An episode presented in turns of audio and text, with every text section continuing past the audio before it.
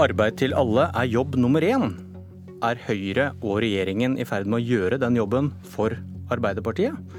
Eller er det en alternativ virkelighet som bare finnes på Høyres hjemmeside? Arbeidsledigheten er nå nede i 2,4% viser nye tall fra Nav. Velkommen til Politisk kvarter, Heidi Nordby Lunde fra Høyre. Takk. På Høyres hjemmeside sier du dette er strålende nyheter og viser at regjeringens politikk virker. Kan du gi et helt konkret eksempel på hvilke av deres tiltak som har hatt effekt på ledigheten? Vel, Jeg tror ikke det er ett tiltak alene. Det er flere som må til for å få, få fart på økonomien. Nevn de to viktigste, da. Ja, Skattekutt for å trygge arbeidsplasser og investeringer. Historiske investeringer i samferdsel og store reformer i, i kommune og stat. For å nevne noe. Saken på hjemmesiden deres illustreres med en graf som viser utviklingen i arbeidsledigheten. Den begynner i 2014, og der står det oljeprisfall. Eh, det fører til at ledigheten går opp, før grafen faller mot disse 2,4 nå i august 2018. Men det står ingenting på denne grafen om hvordan det har gått med oljeprisen etter 2014? Det er helt riktig, men vi kunne kanskje egentlig begynt den grafen eh, både året tidligere. fordi at Solberg-regjeringen arvet jo en økonomi etter åtte rød-grønne år der arbeidsledigheten allerede var på vei opp. Deretter så fikk man det oljeprisfallet som vi nå kjenner til, som uh, gjorde at 50 000 arbeidsplasser forsvant. Deretter, og da hadde jo oljeprisen rast fra 120 på det aller aller beste under de rød-grønne, til under 30 eh, dollar fatet i 2014-15.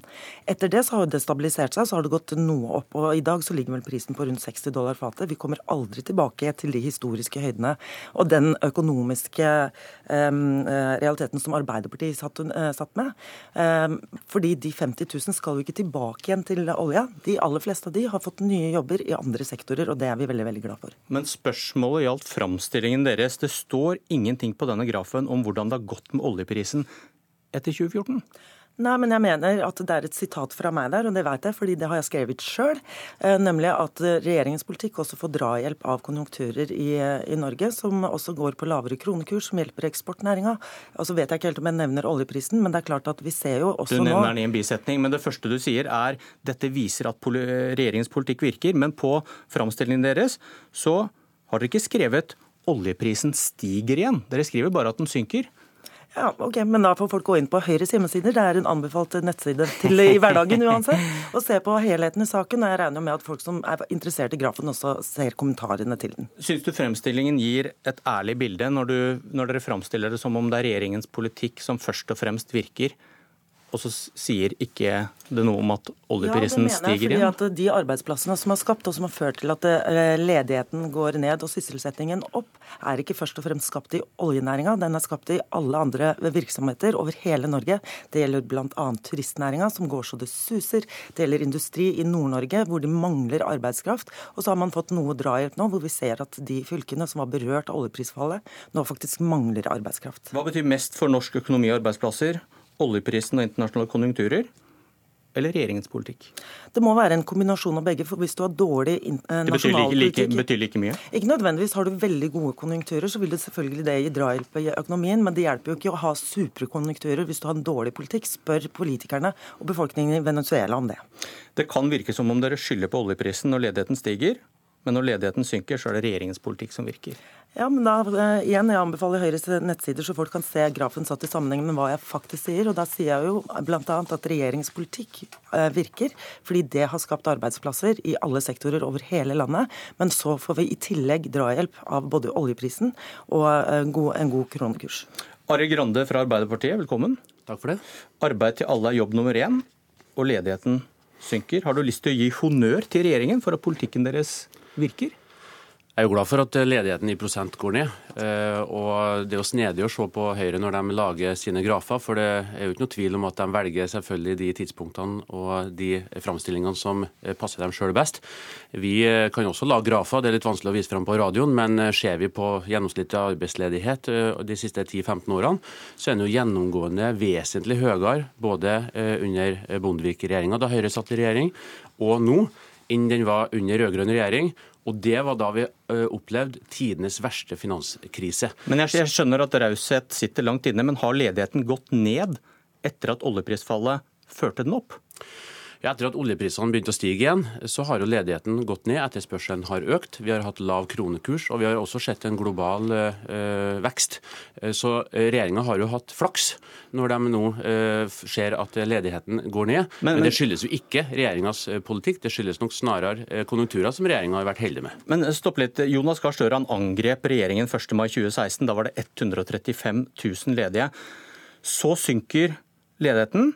Og da er det oljepris og internasjonale konjunkturer og andre forklaringer enn regjeringspolitikken sitter du her nå og sier. Så hvorfor har de ansvaret når ledigheten er høy, men så får de ikke noe æren når den faktisk går ned? For Regjeringa opplevde jo at eh, oljeprisene sank. Eh, og eh, Da skulle man jo ha møtt det situasjonen med mottiltak som ville økt etterspørselen, som ville sikra folk arbeid. Det gjorde jo den rød-grønne regjeringa da finanskrisen kom, med massive tiltak på over 20 milliarder kroner, som økte etterspørselen, skapte 360 000 nye arbeidsplasser. Og Selv om grafen nå ser fin ut for Høyre, og selv om prosenten virker lav, så er det skumle tall som gjemmer seg bak. Men ser, ser du at det skurrer litt når dere kjefter på regjeringen og sier at deres politikk virker ikke når ledigheten er høy, og så går ledigheten ned, men da er det plutselig konjunkturene som skal ha æren for det? Nei, fordi at uh, når uh, vi opplevde den store nedgangen i oljepris, så ba jo vi regjeringa innstendig uh, i over flere år om at de måtte gjennomføre tiltak som ville kunne sørge for at de som nå mister jobben, får arbeid. Fortsatt så ser vi at de som ble, lang, ble ledige da, mange av dem er uten arbeid. Over 700 ingeniører i, bare i Rogaland forteller Nitos, er fortsatt ledige, får ikke jobb, mens oljebransjen, som nå opplever en uh, oppgang igjen, må se seg om i utlandet etter den rette ekspertisen. Derfor fremmer vi forslag i Stortinget om at uh, man må kunne kombinere dagpenger med å få høyere kompetanse. Det stemte regjeringa imot. Vi fikk heldigvis flertall for det, men ennå har de ikke levert. Så regjeringa har vært heldig, og vi skal være glad for at det nå går eh, bedre i forhold til prosentene. Men bak det her så ser vi regjering som bare utelukkende lener seg på, øh, på øh, internasjonale øh, konjunkturer, og som ikke har de rette tiltakene når krisen faktisk treffer inn. Spørsmålet som ligger under her, Nordby Lunde, er jo betyr det noe om det er Støre eller Solberg som er statsminister, for ledigheten? Selvsagt gjør det det. Vi har jo sett bl.a. Eh, historisk registrering av nye selskaper i Norge i både 2015 og 2016, hvor bl.a. antall kvinnelige gründere også er på vei opp.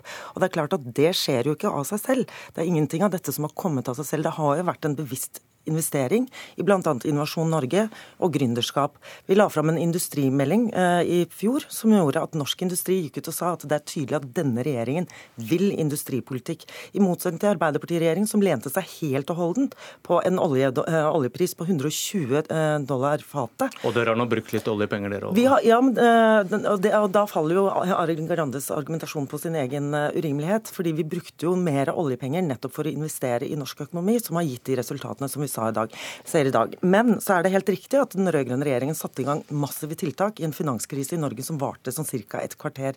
De massive tiltakene gjorde at vi fikk, eh, fikk, arbeidsinnvandring som fortrengte norsk arbeidskraft, og som gjorde at sysselsettingen falt eh, fra 72 til 69 tilsvarende 140 000 arbeidsplasser. Den sysselsettingsgraden har gått også ned under denne regjeringen, men nå har, har nå stabilisert seg og er litt på vei opp. Det er klart at det betyr noe om hvem som styrer. Du kan kort få kvittere ut det historiske her, eh, Grande? Det er jo helt håpløst. og Hvis du ser på sysselsettingsandelen i befolkningen, som jo stadig går nedover, den gikk ned, eh, det har gått ned over mange år, men den fortsetter å gå ned under dagens regjering. Skulle vi hatt samme andelen i befolkningen som var i jobb i dag, som vi hadde under den rød-grønne regjeringen, så må det skapes 185 000 nye arbeidsplasser. Det er, det, det er de tallene eh, som viser at dagens regjering evner ikke å få folk i jobb. Det ser fint ut på statistikken, men vi har uh, 70 000 unge mennesker som er utenfor arbeidslivet. Vi har en eksplosjon i unge uføre. Vi har mange som ikke får muligheten til å jobbe, som gjerne skal tenke seg å bidra, men regjeringa vender ryggen til. Vi vender blikket fremover. Finansminister Siv Jensen advarte i går mot at bedre tider, som vi har nå, eh, fører med seg sitat, en lønnsbonanza. For det kan svekke konkurransekraften til norsk industri. Og hva tenker du om det, Grande?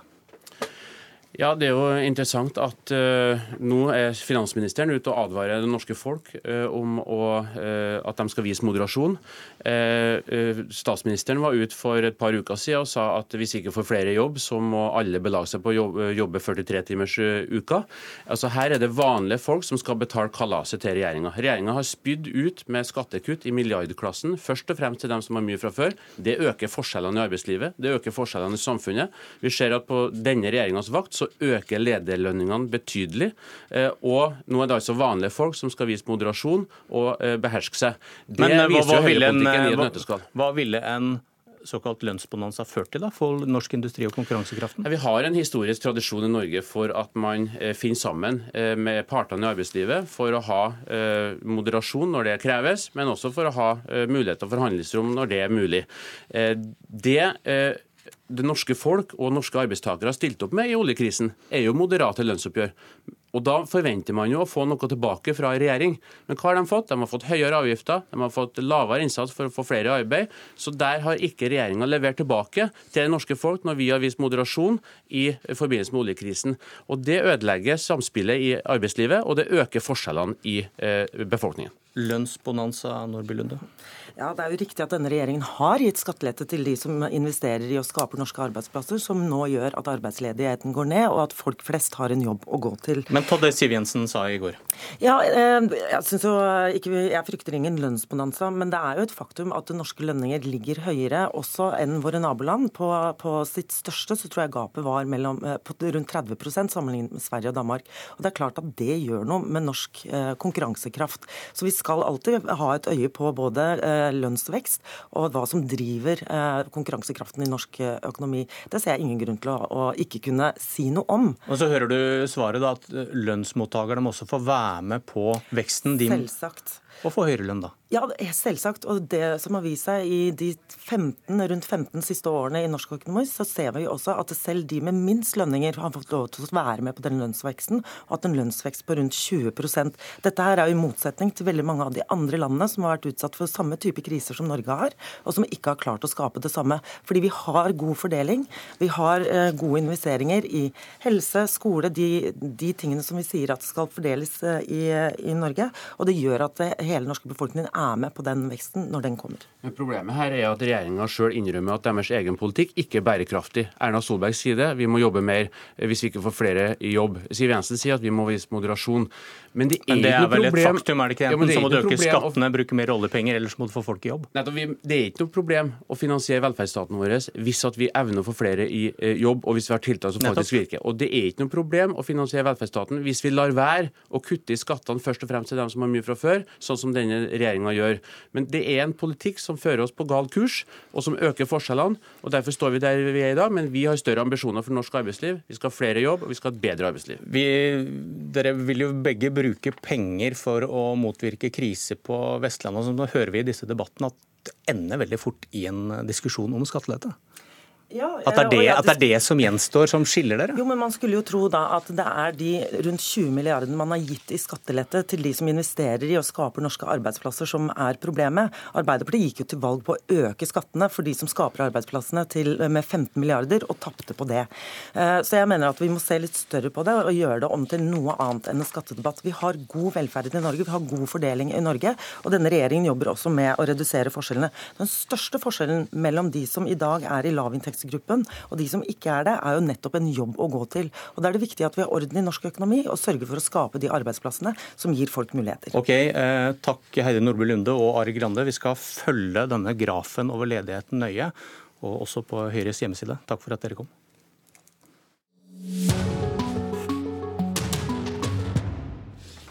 I nyheten i dag har du hørt om KrF-ere landet rundt som ber partiledelsen om å ikke stanse regionreformen. Men vet Senterpartileder Trygve Slagsvold Vedum noe de ikke vet? Og jeg vet at det er flere stortingsrepresentanter i KrF som ikke syns dette er en god løsning. Og vi trenger fire representanter for å få snudd denne tvangsbruken.